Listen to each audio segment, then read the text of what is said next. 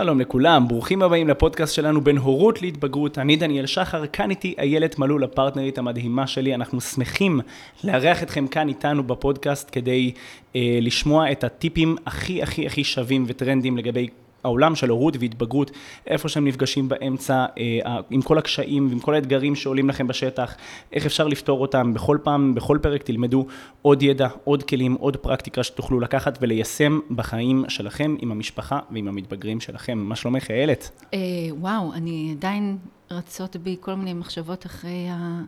אה, אחרי הפרק הקודם שלנו על דימוי עצמי, ערך עצמי, ביטחון עצמי, וככה דיברנו כמה יכולנו עוד ועוד עוד כלים ועוד כלים לתת, ועוד אה, ככה לפתוח את זה לעוד אה, אה, סוגריים. לעוד כיוונים ומקומות. לגמרי. לגמרי. לגמרי. היום אנחנו אה, נדבר על אה, גבולות, דניאל. אה, גבולות זה דבר מאוד מאוד קשה. אתה יודע, אני זוכרת שכשהפכתי להיות אימא, זה היה בגיל 26, היו לי איזשהן אה, פנטזיות, איך הילדה שלי תהיה ואיך... אה, אה, ההורות שלי תהיה. וכל הזמן ככה הייתי בטוחה שכמו שאני קוראת בספרים, וכמו שאימא שלי אה, סיפרה לי אה, איך זה הולך להיות, וככה הייתי על איזשהו ענן, כמו בשדה כותנה פה שדיברנו קודם. ממש הייתי בטוחה שזה מה שהולך להיות, שהלידה תהיה קלה וההורות אה, עצמה תהיה מאוד מאוד קלה. ואני זוכרת ש... אולי הגדולה שלי, גיא, שהיום בת 20, זה לא דוגמה כל כך אה, טובה, מכיוון שהיא, כל דבר שאמרתי לה היא באמת עשתה, אה, אבל אני זוכרת שכל פעם משהו חדש התנפץ לי. אה, בעיקר כשאחת מהן לא בהכרח הייתה מקשיבה או אומרת אמן על מה שאני ביקשתי. ו, ופה איזושהי פנטזיה, בעיקר אצל כל ההורים, היא מתנפצת, דניאל. כי אנחנו, שוב, בפנטזיה שלנו, בסרט שאנחנו הבמאים הראשיים, בו אנחנו בונים לעצמנו איזושהי פנטזיה, איך הילדים שלנו יהיו, איך הם ידברו. אנחנו לא לוקחים בחשבון שיכול מאוד להיות שהם יגידו לנו לא, אולי הם יקשיבו, אולי הם יתעלמו. ואז אה, מגיעים אליי לקליניקה הורים ואומרים לי, תקשיבי, הוא מתעלם ממני, הוא נכנס לחדר, סוגר את הדלת. והוא משתמש בטלפון שאני משלמת עליו, והוא uh, משתמש בחשמל שאני משלמת עליו, ועוד יש לו משהו uh, להגיד לי. Uh, ואז אני שואלת כן, עוד יש לו את החוצפה, נכון? זה כזה מאוד הולך כל הזמן למקומות אישיים, שיש לו את החוצפה לענות לי, נכון? זה מילה חוצפן, כמה כן. פעמים היא חוזרת. כן, בדיוק. איך זה פגע לי באגו, ואז אנחנו רואים פה את ההורים יושבים על הקורסה שאתה יושב עליה בדיוק עכשיו, שהפנטזיה שלהם התנפצה, ואיך הילדים שלהם לא עמדו דום, ונכנסים למאבקי מאבקי אגו. ואז, אתה יודע מה קורה שם, דניאל? הם מתחילים לשים את הגבולות, ואני אומרת במרכאות הגבולות, הם מתחילים לשים את הגבולות שלא קשורים בכלל. אגב, גם אני הייתי בתחילת דרכי עם הכזאת, אני מודה ומתוודה. אמ, ומתחילים אה, להשתמש בכל מיני אה, עונשים, נקרא לזה. אני, אני מאוד לא אוהבת להשתמש במילה עונש, אגב. לא כאימא ולא כאשת חינוך בכלל. לא כמדריכת הורים כמובן. אה, הם מתחילים לשלוף כל דבר. אוקיי, לא טלית כביסה, אני, אני אקח לך את הטלפון. אה, לא באת לעזור לי עם, עם הקניות מהאוטו, אז את לא יכולה לצאת לפגוש חברה. מה זה קשור? נכון. יש שם איזושהי כוחניות שבעצם... נכון, זה כאילו רצון כל הזמן להראות שאם לא, כל הזמן איזושהי התניה, נכון? כן. אם לא תעשי, יקרה, וזה גם, אני חושב, עובד הפוך. מה, מה את חושבת על, על כל העניין של אה, תגמולים, שאם תעשי, תקבלי? תראה, זה, זה איזשהו קאץ', כי כמנתחת התנהגות, אנחנו מאוד עובדים, במנתחי התנהגות אנחנו עובדים עם חיזוקים, שחיזוקים הם הרבה פעמים אה, תגמול באמת אה, אה, פיזי. יש גם אה, נכון. תגמול שהוא מילולי, אבל כמובן אנחנו מאוד מאוד מעדנים את זה, ואנחנו מאוד אה, משתמשים בזה בצורה מאוד מאוד מבוקרת. אה, אבל למשל, אנחנו אה, מאוד אה, רואים את העניין הזה של אם תשמרי על, על אחיך הקטן, אז תקבלי כסף. אם תפני את המדיח, אז תקבלי דמי כיס. אם תקבלי כביסה, אז אני אקח אותך לחברה שלך. ונוצרת פה איזושהי מערכת יחסים של תלות. זאת אומרת שאני כ- כילדה בעצם תלויה בהורים שלי, ואז כשהם מנסים, ההורים אה, ככה לתת ל- לילד שלהם איזושהי אפשרות, אפרופו שדיברנו דימוי עצמי, להתנהל בתוך איזושהי הרגשה של אה, כישלון, אז הם אומרים, איך היא לא פותרת את הדבר הזה לבד? אז אני אומרת להם, אבל היא תלויה בכם, כי אם אתם כל הזמן בוחרים להעניש אותה, או ללמד אותם בדרך כוחנית, אז היא מבינה שאתם הגדולים, אתם הכוחניים, ועל פיכם אישה כדבר. אה, כזה. לגמרי, והאמת שאני גם רואה את זה, אני יכול להגיד כחונך למתבגרים, כן. אמנם אה, אני הורה, אני אב לתינוק אה, בן חמישה וחצי חודשים, אבל כמי שעובד עם מתבגרים כבר שמונה וחצי שנים, אני רואה הרבה פעמים מול ההורים, ואני גם מסביר להם ש... מה שזה יוצר אצל מתבגר, זה יוצר דבר שנקרא מוטיבציה חיצונית, וחשוב לי רק אה, להעביר למאזינים כן. שלנו מה זה. כשאנחנו יוצרים מוטיבציה חיצונית, אז אנחנו יוצאים, כמו שאמרת, מוטיבציה, מוטיבציה חיצונית היא מוטיבציית תלות. זאת אומרת שאם אני מקבל משהו מסוים, אז אני אעשה משהו. אם אני מפחד מאיזשהו עונש שאני עלול לקבל, אז אני לא אעשה משהו, נכון? התניות. Mm-hmm. ואז זה יוצר איזושהי אה, מחויבות לא אמיתית של המתבגר לעשות או לא לעשות דברים, כי זה רק כדי להימנע מכאב לא נעים, נכון. או לקבל איזשהו, אה, את עקרון העונג. כן, כן, בדיוק. ואני חושב שהמקור צריך להיות קודם כל מוטיבציה פנימית. נכון. אני רואה הרבה מקרים שבהם כן אפשר להשתמש במוטיבציה חיצונית, אבל זה ממש לטווח קצר, כדי לעורר, להצית איזושהי להבה קטנה, ואז נכון. אנחנו רוצים להמשיך לטפח אותה כמוטיבציה בדיוק. פנימית. אנחנו לא רוצים שהמוטיבציה החיצונית תהפוך להיות משהו שהוא כבר נוהל. אה, כי אז זה, זה יוצר בעייתיות. אני אתן לך דוגמה, אם יש חניך שלי שמאוד אה, מאוד מתעניין ב, בלימוד גיטרה, והגיוני שמתבגרים בחיים שלהם, אה, הולכים ולומדים ומתעניינים בכל מיני תחומים, ועוברים מתחום לתחום ומנושא כן. לנושא. כן. ואני רוצה לראות פשוט שהוא רציני בללמוד, שבאמת אכפת לו, וזה לא, זה לא ש... כי חבר שלו קיבל גיטרה, אפרופו דימוי עצמי ועמוד שדרה וסטנדרטים של עצמך. ואני אנסה, אני אגיד אה, למתבגר, בוא נשב רגע, נראה קצת סרטונים ביוטיוב של גיטרה, תגיד לי אם אתה אוהב את הגיטרה קלאסית, גיטרה חשמלית, כן. גיטרה דואס, תגיד לי מה הסגנון שלך, תגיד לי אם אתה אוהב את, את הסאונד, איך שהוא נשמע, ואני אהפוך את זה למשהו כיפי, לא לאיזה שיעורי בית, שב תצפה בסרטונים ותגיד לי אם אתה באמת רוצה גיטרה, אני אהפוך את זה למשהו חווייתי, שאני כחונך יודע לעשות. אבל, ואז אני אראה כמה הוא מתעניין בזה, וסתם לשם הדוגמה. אם אני רואה שהוא כן מתעניין בעניין הזה של הגיטרה, אז אני יכול אה, לבוא בשבוע, אה, בשבוע הבא ולהגיד לו, אה, תקשיב, דיברתי עם, אה, עם אבא שלך, החלטנו שאנחנו מפנקים אותך ככה בחוברת שמלמדת תווי גיטרה, כי אנחנו רואים שזה מאוד מעניין אותך. Mm-hmm. אז פה אני נתתי לו איזשהו גמול, אבל זה כדי להצית את, ה, את האהבה הזאת לגיטרה ולהפוך אותה, להתחיל מדהים. לממש אותה ולהפוך מדהים. אותה למשהו שאפשר להוציא לפועל, ואז השלב הבא כבר יכול להיות באמת לקנות לו גיטרה. את מסכימה איתי שחוברת תווים תעלה פחות? נכון? מגיטרה. לחלוטין. יש לנו אפשרות לבוא ולראות רגע שבאמת המתבגר באמת עושה משהו שקשור לזה, ולא רק צופה בסרטונים ומנסה לחפף במרכאות. אז פה אני השתמשתי באיזה מוטיבציה חיצונית, אבל אני השתמשתי בה כמשהו מקרי וכמשהו שנועד להרים לי לבניית מוטיבציה פנימית. אני יכול להגיד לו, וואו, איזה מדהים, אתה ראיתי שממש התעניינת בחוברת של התווים, אה, ואבא שלו יכול להחליט שהוא קונה לו גיטרה. אה, אבל באמת מה שאנחנו רוצים ליצור לטווח הארוך זה שהמתבגר יאהב משהו, מה זה מוטיבציה פנימית? זה מתוכי. זאת אומרת שאם אני אקבל או לא אקבל משהו, זה רק בונוס, זה בכיף, זה, זה, נכון. זה יעזור לי, זה ישמח אותי, זה כן ידרבן אותי, חשוב לומר, ש, שזה כן עוזר ל, ל, לדרבון, וזה כן אה, מפתיע ומשמח את המתבגר, וואו, חשבת עליי, הבאת לי הפתעה שקשורה לזה. בדיוק רציתי להגיד את זה. בדיוק, זה, אין שום דבר רע ב, בלבוא ולפנק ולהפתיע, נכון. אבל לא כשאנחנו הופכים את זה לתלות, לא כשזה נהיה משהו שהוא תהליכי, ואז אתה פשוט, הילד לומד שאם אין תלות, אין מוטיבציה בכלל. אז אני לוקחת את הדוגמה המדהימה הזאת שהבאת עם החוברת של הגיטרה, אה, שמה שבעצם נוצר פה, הילד אה, הבין שההורה שלו אה, ראה אותו.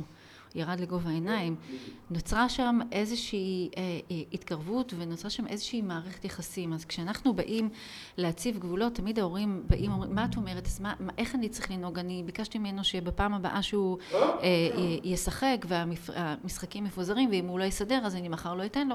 נכנסים ככה לאיזשהו פנקס של, של רואי חשבון כזה, ממש כזה. אני אומרת להם, רגע, חכו. טבלת נתינה. בדיוק, כזה. אבל אתה יודע, דניאל, אחד הדברים שהם יותר חשובים בעיניי, לפני שאנחנו מתחילים להציב גבולות, שאם כן ואם לא, זה בעצם לפתח את מערכת יחסים. אני מדברת את זה המון במפגשים שלנו, okay. כן. שלך ושלי. לפתח שם איזושהי מערכת יחסים עם הילד שלנו. לא יכול להיות שאתה... אה, כהורה, אני יכולה להגיד על עצמי שקרה לי הרבה פעמים שנכנסתי אחרי יום עבודה, באמת מצאת החמה, צאת הנשמה, ואני מגיעה הביתה ויש כלים בכיור, ודבר ראשון שאני עושה, אני מתעצבנת על הילדות שלי, למה זה קורה, עד שהאמצעית שלי, תמרי, אמרת לי, אמא, את הרי אומרת שאנחנו הדבר הכי חשוב לך בעולם. אז למה איך שאת רואה אותנו אחרי צהריים, את ישר צועקת עלינו?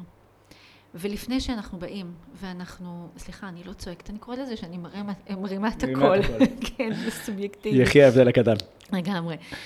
אז אני אומרת, קודם כל, לפתח שם מערכת יחסים, כי הרי אני אקבל את הגבול שההורים שלי שמים, מתוך זה שאני סומך על אימא שלי, מתוך זה שאבא שלי הוא עבורי אה, דמות לחיקוי, עבור זה שהם אה, אה, בעצם מהווים עבורי modeling. לא יכול להיות שאני כאימא אבוא ואנחית על הילדים שלי, על הילדות שלי, איזושהי סנקציה מבלי שאני אפתח שם איזושהי מערכת יחסים שהיא, שהיא טובה, שהיא נכונה. צריכה להיות שם איזושהי פתיחות, איזושהי קבלה, אם דיברנו באמת על, על דימוי עצמי. איזושהי יכולת ככה להבין מצד אחד שהציפיות שלנו מתנפצות וגורמות אה, אה, ככה לאיזשהו כעס וחוסר חוסר קבלה, אבל הילדים שלנו בעצם, הם בעצם מולנו, ואתה דיברת את זה מאוד יפה בפרק הקודם, הם מפתחים להם איזשהם צרכים ורצונות משלהם. ואנחנו בעצם עושים טעות שאנחנו מסתכלים על ההתנהגות שלהם, שזה בעצם התוצאה, אנחנו צריכים להבין בעצם למה הם מתנהגים כמו שהם מתנהגים ולטפל בדבר הזה. אה, ואז יש לנו נטייה, דניאל, לתפור, ואני אומרת במרכאות, כן. לתפור את ה... אה, לילד שלנו איזשהו עונש, עונש שהרבה פעמים הוא גם משפיל. ומה קורה, מערכת יחסים, אפרופו זה מרחיק אותו אה, מאיתנו, והוא בטוח שלא מלמד. ויש לי פה איזה ככה שני טיפים שחשוב לי ככה שאנחנו נדבר עליהם. אמ, אחד הדברים שמאוד מאוד חשוב, הורים מגיעים, היא הייתה אצלי אימי בקליניקה לפני, קצת לפני ראש השנה, והיא אמרה לי שאחד הפיצוצים שקורים לה, אפרופו גבולות עם הילד שלה, זה שהוא לא מוכן להתקלח כל יום. עכשיו, אני כאימא לשלוש ילדות, חוק בל יעבור, מתקלחים כל יום. כל משפחה רואה את זה אחרת. יש משהו אצלי שאומר, סיימנו יום, אנחנו מתקלחים כל יום.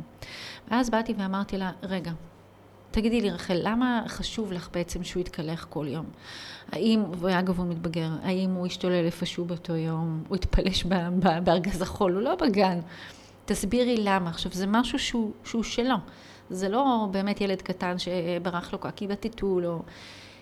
ואמרה לי, את יודעת מה, אין לי מושג למה אני מתמקחת על הדבר הזה. אמרתי לה, יכול להיות שתתמקחי אולי על משהו אחר, אבל תחשבי. ומה הכוונה פה? לפני שאנחנו אומרים על משהו שהוא אסור, שקודם כל נבדוק אותו.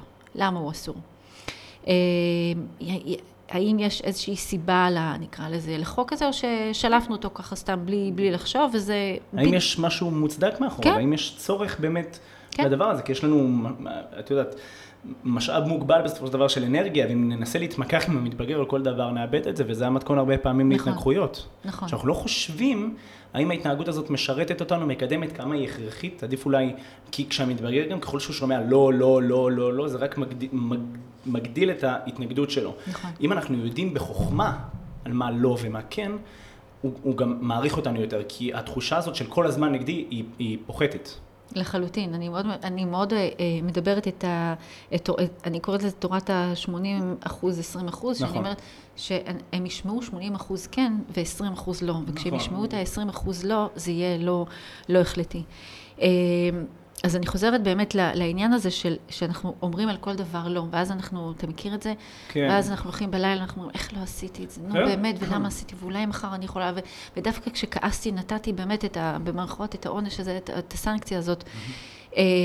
Mm-hmm. ואז אני קמה למחרת בבוקר ואני איכשהו מחפשת לעגל פינות ולא באמת לקחת ממנה את הטלפון ולא באמת אה, לא לאפשר לה להיפגש עם החברים אחרי צהריים ואני מתחילה לעגל פינות, הילדים שלנו, אתה יודע, הם סופר אינטליגנטים, בטח בדור הזה, והם מזהים את החלון הזדמנויות הזה ואז בכל פעם הם יתחילו לבדוק אותנו.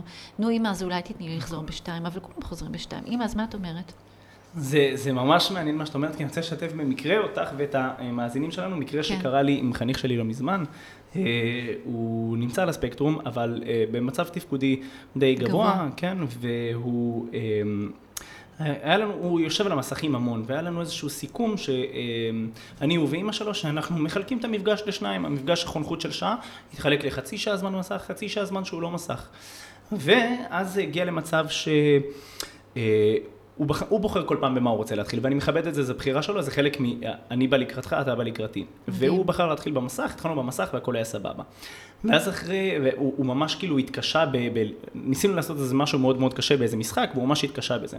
ואמרתי, טוב, יאללה, אני מפנק אותך בעוד עשר דקות, כי אני רואה כמה אתה מתאמץ בשביל זה. ואז כבר הגענו למצב שנשאר עשרים דקות לזמן שהוא לא מסך. ופה הייתי חייב להגיד לו, אפרופו גבולות ומסגרת, אמר, הייתי חייב להגיד לו, פה אלוף שלי, אנחנו חייבים...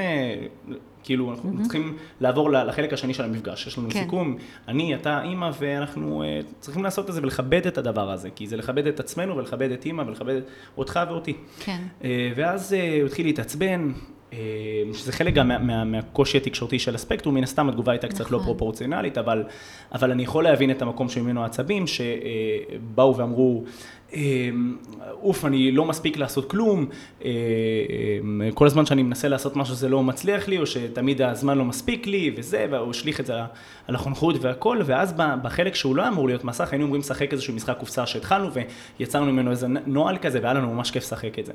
ובגלל שהוא היה עצבני, הוא השליך את זה גם על המשחקי קופסה, כי הוא היה עצבני בגלל התסכול שקרה כן, במחשב. ואז ברור. הוא אמר, אתה יודע מה אני אעשה עכשיו, דניאל? אני לוקח את כל המשחקי קופסה ואני אשים אותם פשוט בפח, ואז לא יהיה משחקי קופסה. ושם היה חשוב לי להציב את הגבול. לא על ידי עונש, אבל פה, נכון, כשאנחנו דיברנו על, ה- על האי הסכמה הזאת כן, עם מתבגרים, כן. אז פה חשוב לי לבוא ולהגיד שחשוב להסביר למה.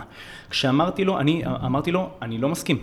אני ממש לא לוקח חלק בדבר הזה איתך, כי זה לא מכבד אותך, לא אותי, לא את הכסף שאימא השקיעה על המשחקים האלה, את המאמץ שהיא השקיעה, כן. ואת החשיבה עליך כשהיא קנתה לך אותם, אה, כדי שיהיה לך ולא יחסר לך ותהנה. את מבינה? מאוד תמללתי והעברתי גם את הרגש דרך הדבר הזה, כדי שהוא ידע שאני לא שותף לדבר הזה, לא בצורה אה, מענישה, פשוט באתי ואמרתי לו, אני לא לוקח בזה חלק. Mm-hmm. זה לא מכבד, זה לא נעים וזה גם לא נעים לי, ואני יודע שאתה מסוגל ליותר מזה. אז גם הסברתי לו את הלמה לא, וגם דרבנתי אותו למה כן. ואז כשהוא נרגע, אז הוא אמר, אתה יודע מה, אתה צודק, זה לא היה בסדר. עכשיו, אצלו איזה זה עוד. בא, כן, ואצלו זה עוד בא באיחור בגלל הקושי התקשורתי של כן, הספקטרום. כן. בחור אחר היה על הספקטרום, היה, כבר, היה, היה, היה נדרש לי אפילו אה, 50% פחות מהמאמץ, אני מאמין, כדי להצליח להעביר לו את, ה, את הדבר הזה. אבל הנקודה שלי כאן במקרה הזה, היא לבוא וכשאתם אומרים למתבגר לא, להסביר למה לא, מה עומד מאחורי זה. כשאתם מסבירים למתבגר את הסיבה שלכם, המתבגר מעריך את זה. הוא מבין שמדברים איתו בכנות, שאותנטיים איתו, נכון. שאכפת ממנו, שאכפת מהדעה שלו, ואכפת לתת לו דין וחשבון. אנחנו שם לב לזה, שזה קטע שמטריף אותי הרבה פעמים, שאנחנו, כאילו שהורים לא מוכנים לתת דין וחשבון. למה שאני אגיד לו? למה שאני אסביר לו? למה שאני אגיד לו למה? אני ההורה, אם אמרתי, זה מה שאמרתי, כאילו, למה אני צריך לפרט לו? כוחניות. בדיוק, ו- וזה אפילו, זה מעבר לכוחניות, זה... אמ, זה היררכיה כזאת שנכון, אתה ההורה, אתה מעליו, בסופו של דבר המילה האחרונה היא שלך שתקבע. אבל למה שלא תהפוך את הלא ותיצור מזה דיון פורה, שיסביר למה לא. נכון. זאת אומרת, זה, שאתה, זה שבסופו של דבר זה יישאר לו, זה יישאר לו, כי אתה ההורה וזה הגבול שהצבת, אם זה חשוב לך, שוב, דיברנו על לבחור בחוכמה, אתה, אה, מה כן ומה לא. נכון. בסופו של דבר הלא הזה הוא יישאר, המילה האחרונה תהיה שלך כהורה.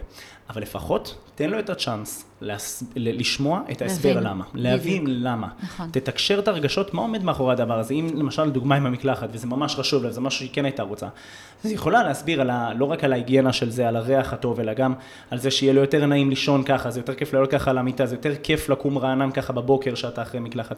אפשר לנסות להסביר את הלמה כן, וזה יכול באמת להצליח להעביר את המסר הרבה פעמים. בדיוק, אבל זה מה שבעצם אה, גורם לנו, מצריך, סליחה, מצריך מאיתנו ההורים, בעצם אה, להבין למה. אנחנו, לפני שאנחנו אימפולסיביים ובוחרים בין סנקציה מסוימת, אז אנחנו צריכים להבין למה. אנחנו קודם כל אה, לוקחים לעצמנו את המחשבה הזאת, ואז אנחנו מסוגלים בעצם לבוא ולהגיד לילדים, אני מוצאת המון המון משפחות שאני מדריכה, ואפילו גם צוותים חינוכיים, ההגבלה היא אותה הגבלה.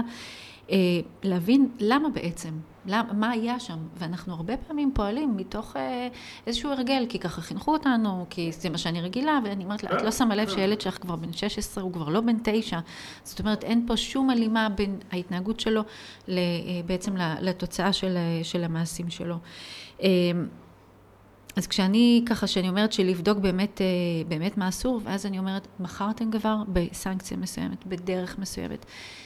דיברתם על זה עם הילדים שלכם, תהיו עקביים, בחייאת אללה תהיו עקביים, לא יכול להיות שאנחנו נשגע את כל הבית, שפעם הוא יכול לישון בשמונה וחצי והיום... נכון, תדבקו בזה. בדיוק. גם את המתבגר זה מבלבל, אם אני מסתכל על נקודת המבט של המתבגר, הוא בא ואומר, המילה של ההורה שלי מאבדת משמעות, כי פעם אני. בשמונה, פעם אני בתשע, פעם אני בכלל בשתים עשרה, אז השמונה ותשע שהיו לפני כן הם בכלל לא רלוונטיים לי. זאת אומרת, נכון. אם הגעתי ל-12 אני יכול גם להגיע לשתיים, נכון. ואז מתעוררת יותר הבדיקת גבולות, ואנחנו כאילו, אנחנו שמים לעצמנו מקל בגלגלים בעצם. נכון. החוסר עקביות שלנו פוגעת במילה שלנו, באמינות, במשמעות ובעוצמה שלה, עוצמה בקטע טוב, כן. בכמה אימפקט, כמה השפעה יש לזה על המתבגר. ואז אה, בא אבא בשבוע שעבר ואומר לי, תשמעי, אני כל פעם שאני לוקחת את הילדה לגן, אה, היא כל פעם אה, בוכה שאני הולך, ואני אומר לה, מה קרה? אבל, אבל אני חוזר בשתיים, אני אקח אותך. אומר לי, היא לא מאמינה למילה שלי. ואז אני אומרת להם, אני אומרת לאותו אבא שישב איתי, בוא, נחשוב ככה על סדר היום, תספר לי סיטואציות שקורות, אז מסתבר שהוא כל פעם מבטיח לה, כשקורה משהו בתוך הבית והוא לא יכול להתמודד איתה, אז הוא אומר לה, אביה, אז אני אביא לך את, את הסוכריה ואני אביא לך את הבובה, ואתה מבין שהוא לא באמת מביא לה. ואז היא מבינה שאין ערך למילה שלו, וכשהוא אומר לה, אני אחזור בשתיים לקחת אותך, היא לא מאמינה לו שזה יקרה. תשים לב מה קורה מתוך הגבולות האלה. אנחנו מאבדים לאט לאט את, ה, את, ה, את העוגן הזה, שהוא, שהוא כל כך חשוב. יחד עם זאת, יש פה איזשהו קושי שאנחנו כהורים צריכים בעצם לעבור אותו. העניין הזה שאנחנו צריכים לתת לילדים להתנסות, גם אם זה משהו, נניח, ככה במרכאות מסוכן. אה, זה מחזיר אותי אחורה לעניין הזה של, אה, שדיברנו בפרק הקודם, על דימוי עצמי וביטחון עצמי, שאנחנו צריכים לתת לילדים שלנו בעצם להתנסות במשהו מסוים, ואנחנו תוך כדי כהורים גם נותנים להם בעצם אה, להתנסות, כי יש לנו איזושהי נטייה ראשונה אה, אה, לעטוף, לספוג ו- ו- ו- ולהסיר את כל ההתנהגויות הסיכוניות, כמו נפילה מאופניים שדיברנו על זה, או איזשהו, אה, לא יודעת מה, מסמר חלוד, ברור שאם אנחנו נראה ילד ליד מסמר חלוד, אנחנו נזיז אותו הצידה. אה, והכוונה כאן היא לא אה, לאפשר להם אה, להיכבט, אלא לתת להם באמת כמו שדיברנו, להתנסות ביכולות שלהם בעצם. להגיע למצב של, של התנהגות מסוכנת, אבל להבין את הסיכון, את הסיכון הזה בתוך משהו שהוא פנימי. אמ, והתפקיד שלנו כהורים זה להגיד להם, רגע, אם אני לוקחת את זה מתוך המקום של המתבגרות אצלי בבית, כי זה הרבה פעמים, אני צריכה להסיע אותם למקום מרוחק נכון, יותר, נכון. ואז הן אומרות, אימא, אבל כולם אה, מסיימים ב, אה, אה, בשתיים את הבילוי, ואז אני מסבירה להם מה קורה שם. האם באמת עד שעה שתיים זה ממש ממש מצריך? מה קורה כשפתאום אין מבוגר שם באזור? זאת אומרת, אנחנו כל הזמן, כל הזמן מדברים איתם, והרבה פעמים אני אומרת, בואו נהיה פוליטיקאים, לא נהיה צודקים עם הילדים, נהיה חכמים. נאפשר להם לתת לעצמם את הגבול, עד כמה. האם זה באמת, אני, הרבה פעמים כשהילדות שלי באות ומבקשות ממני משהו, או עומדות באמת על אה, שתי רגליים אחוריות כשהן דורשות משהו, אז יש לי שיטה חדשה, אם ישמעו את זה, אני כבר לא יכולה להשתמש בשיטה הזו, אבל אני מגלה אותה. אני שואלת... אז תשקלי אם את אה, מעבירה להם את הפרק הזה. כן, כן, אני אגיד את זה. כי זה כלי מאוד חשוב, דניאל, אני חוזרת ואני שואלת אותם, עד כמה זה חשוב לך? עד כמה זה ממש ממש חשוב לך. שאלה מדהימה. לגמרי. ואז זה, בפעמים הראשונות שהייתי שואלת אותם, הם היו מסתכלות, איזה חשוב. לאט לאט הם ככה התחילו לחשוב, את יודעת מה אימא? זה לא באמת חשוב לי לנסוע לשם, זה לא באמת חשוב לי ללבוש את זה, זה לא באמת חשוב לי לקנות את זה. בדיוק, ואז במקום להילחם בהם, את, את, את מעוררת אצלם את המחשבה, ואז זה הופך להיות הרבה יותר קל, כי כן, דו-שיח. בדיוק, ההתנול, גם הרבה פעמים הדו-שיח שמתחיל איתך, הופך להיות הדו-שיח של המתבגר מול עצמו. נכון. חש... הרי לפני שהיא ענתה לך על זה, היא קודם כל עשתה תהליך של קלט עיבוד פלט, נכון? היא שמעה מה שאמרת, כן. היא הקלעה את זה בראש, ורק אז היא הוציאה עלייך את התשובה. כן. אז כשבעיבוד היא חשבה לעצמה כמה זה באמת חשוב, ואז הדיון הזה בתוך הראש שלה, נכון. מונע הרבה מאוד כסחים וריבים וצעקות שיכלו לצאת עלייך, אילו את היית באה אה, ומתחילה אה, ללבות שם איזה אש שלא לצורך. לגמרי, כי... אה... כי הרי אנחנו בסופו של דבר, אנחנו נתפסים אצל הילדים שלנו, ולא משנה בני כמה אנחנו נהיה, אנחנו נתפסים כאיזושהי אוטוריטה נכון. מולם. וככל שמע... עכשיו, זה לא, זה לא שאנחנו מאבדים באמת, כמו שאתה אומר, את הסמכות שלנו, זה לא שהבית הוא בית ליברלי פתוח ותעשו whatever you like. זה ממש לא כזה, ואני חושבת שברגע שאנחנו נאמן את הילדים שלנו, שהם יבינו מה, מה הגבולות, שיהיה להם איזשהו מוסר, כי כשאנחנו שמים גבולות שלנו אה, אה, כגבולות חיצוניים, בלי שום קשר, בלי שום הבנה, וגם לא מתפתח שם המוסר. ככל שאנחנו נכון, נעזור נכון. לילדים שלנו לפתח את המוסר, הם יהיו יותר גב... אחראים, יקבלו החלטות יותר נכונות. לחלוטין, לחלוטין. אה, ואני, אה, חשוב לי רגע אה, לשתף פה איזשהו משהו ככה לקראת בטח. סיום. Mm-hmm. יש לי שלוש ילדות, שתיים מתבגרות, הגדולה כבר בת עשרים. ולפני כמה חודשים פניתי לגיא בת 20 ותמרי בת, בת 16, ושאלתי כל אחת בנפרד, שאלתי אותם, תגידו, למה... הם לא ידעו בכלל על השיחה ששוחחתי אחת עם השנייה. כן. שאלתי אותם, תגידו, למה אתם לא, לא ניסיתם אף פעם כן. לעשן אה, סמים, או לא שתיתם אלכוהול? כי אתם יודעים, היום כל נער ונערה עושים את הדבר הזה. והם אמרו לי משהו מדהים, דניאל, באמת כשהם סיפרו לי את זה, והם, כל אחד בנפרד אמרה, היו לי דמעות בעיניים. הם אמרו לי, אה, קודם כל כי הם היו, רצו להיות בשליטה, אה, סתם היה להם modeling כזה בבית, אבל הדבר שהם אמרו לי, אמא, את לא מבינה, הדבר היחידי שגרם לנו בעצם לא להתנסות בג'וינטים או לשתות אלכוהול או לעשות דברים כאלה ואחרים שיכולים לסכן אותנו, זה שתמיד עמדת בכניסה לדלת ואמרת לנו, בנות, מדהים. תשמרו על עצמכם, אני סומכת עליכם. שומרת הסף ממש. לגמרי. עכשיו, שלא תבין, נכון, זה אני, מדהים. הבטן שלי, דניאל, באותו רגע, כל פעם שאני יוצאת, הבטן מתהפכת נכון, לי, מה זאת אומרת? כי שם ברגע, אין לנו שליטה, אם הם יושבות עם לא. חברים, אין לך איך להגיע לשם ולקחת להם את הג'וינט מעט ולהגיד להם, לא, לא, לא, כאילו. אז כל מה שאת יכולה לעשות זה לשלוח אותם עם סוג של ברכת הדרך נכון. של אני סומכת עלייך, שתשמרי נכון. על הבריאות שלך, שתשמרי על עצמך. זה, זה כאילו המקסימום שאנחנו יכולים תכלס לעשות. אבל בד בבד, דניאל, גם לדבר איתם כל הזמן, לא רק רגע לפני שהם יוצאים לבלות, או רגע לפני שחבר שלי דוחף אותי מהנדנדה, לדבר את זה נכון, כל הזמן. בדיוק. מה הערכים שלי. וגבולות שווה ערכים. נכון, לגמרי, ואני חושב שברגע שאתה יוצר איזושהי, איזושהי תשתית של דו-שיח מתמשך והבית הופך להיות למקום בטוח ונוח לדבר על הדברים האלה, אז, אז את, את גם, תש, כשתעשי את שמירת הסף הזו ותשלחי כן. אותם החוצה עם ברכת הדרך, תעשי את זה גם בלב שלם יותר. כמובן שאי אפשר יום אחד בעיר לבוא ולהגיד, שומע, שומעת, רק אל תעשי, אל תעשי ג'וינט, כאילו, לשבת איתה ולשאול אותה, תגידי, כאילו, שאתם יושבים חברים, הכל טוב, אתם שומרים על עצמכם והכל וזה, נכון. להבין קצת מה קורה שם, כדי שבאמת תוכלי בהדרגה להגיע אליה, ללב שלה ולהצליח להציב את המסגרת הזאת בצורה שהיא בריאה ומקדמת, ולא שתפלי עליה איזה אה, ערב אחד לפני שהיא יוצאת עם כל מיני אה, הנחיות אה, ליציאה שלה. לגמרי. אז זה לגמרי, כמו שאמרת, זה ליצור איזשהו, איזושהי שיחה ממושכת ותהליכית סביב זה, שזה יהפוך להיות חלק מהלך הבית, לבוא ולדבר,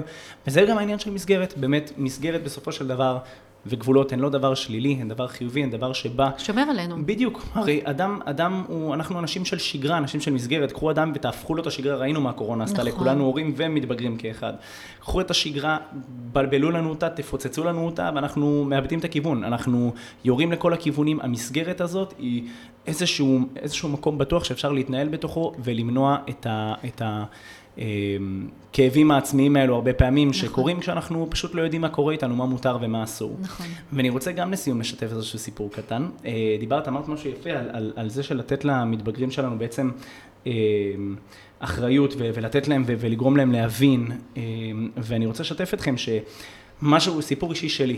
אני כשהייתי צעיר ולמדתי לנסוע על אופניים, אז בדיוק היה לי למדתי, אני זוכר איזה יום אחד שהתחלתי ללמוד, הפעם הראשונה בלי גלגלי עזר. ואני נוסע וזה, ואני נהנה ואני מרגיש בעננים. ואז היה לי תיק אה, לעזוב את הכידון של האופניים. כן.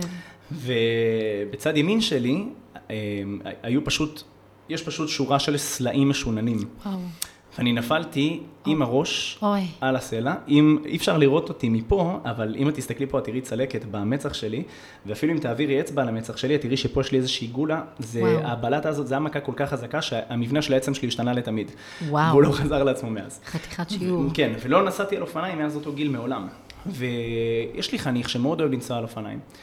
ויום אחד, שזה חלק מעניין של מסגרת, אמרתי לו, אתה יודע משהו? אני רוצה שתדריך אותי, אני רוצה שתלמד אותי לנסוע שוב על אופניים. מדהים. ואמרתי לו, וחלק מהעניין של מסגרת זה להאציל סמכות ואחריות, נכון? לתת לו להרגיש שיש לו say, ויש משקל לדעה ולדברים שהוא אומר ולהנחיות שהוא נותן.